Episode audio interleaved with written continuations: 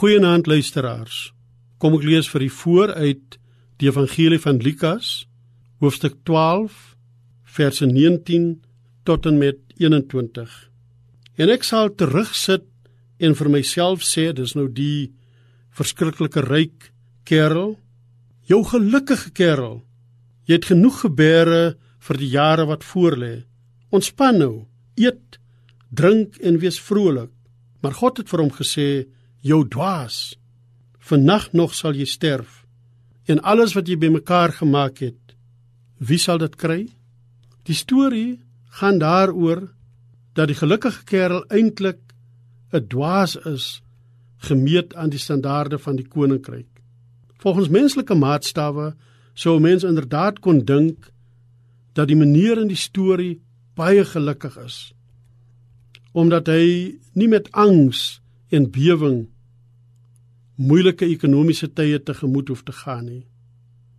Hy hoef nie te vrees vir stygende kostes en vir resessie nie. Sy dinge lyk goed uitgesorteer. Sy stoorplekke en skure is tot oorlopends te vol. En op tipiese menslike manier sit hy agteroor Hy ontspan volkome. Hy eet en drink dat die bissies bewe. Hy gee homself volkome oor aan die vrolikheid en aan die genietinge.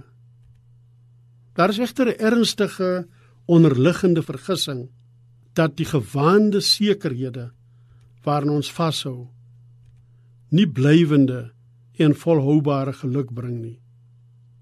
Menslik gesproke is dit lekker om goed te doen en om suksesvol te wees en materiële welvaart te geniet. Trouwens, 'n mens sou selfs kon aanvaar dat God, die koning van die ryk, ons die dinge nie misgun nie, maar ons juis ryklik wil seën daarmee.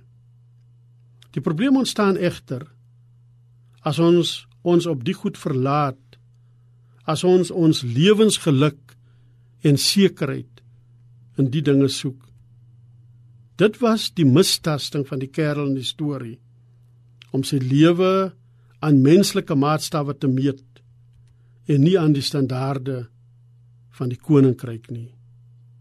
Kom ons bid saam. Jesus, U is Here van ons lewe. Help ons om getrou selfs onder moeilike en uitdagende omstandighede by die waardes en standaarde van die koninkryk van God te bly. Amen.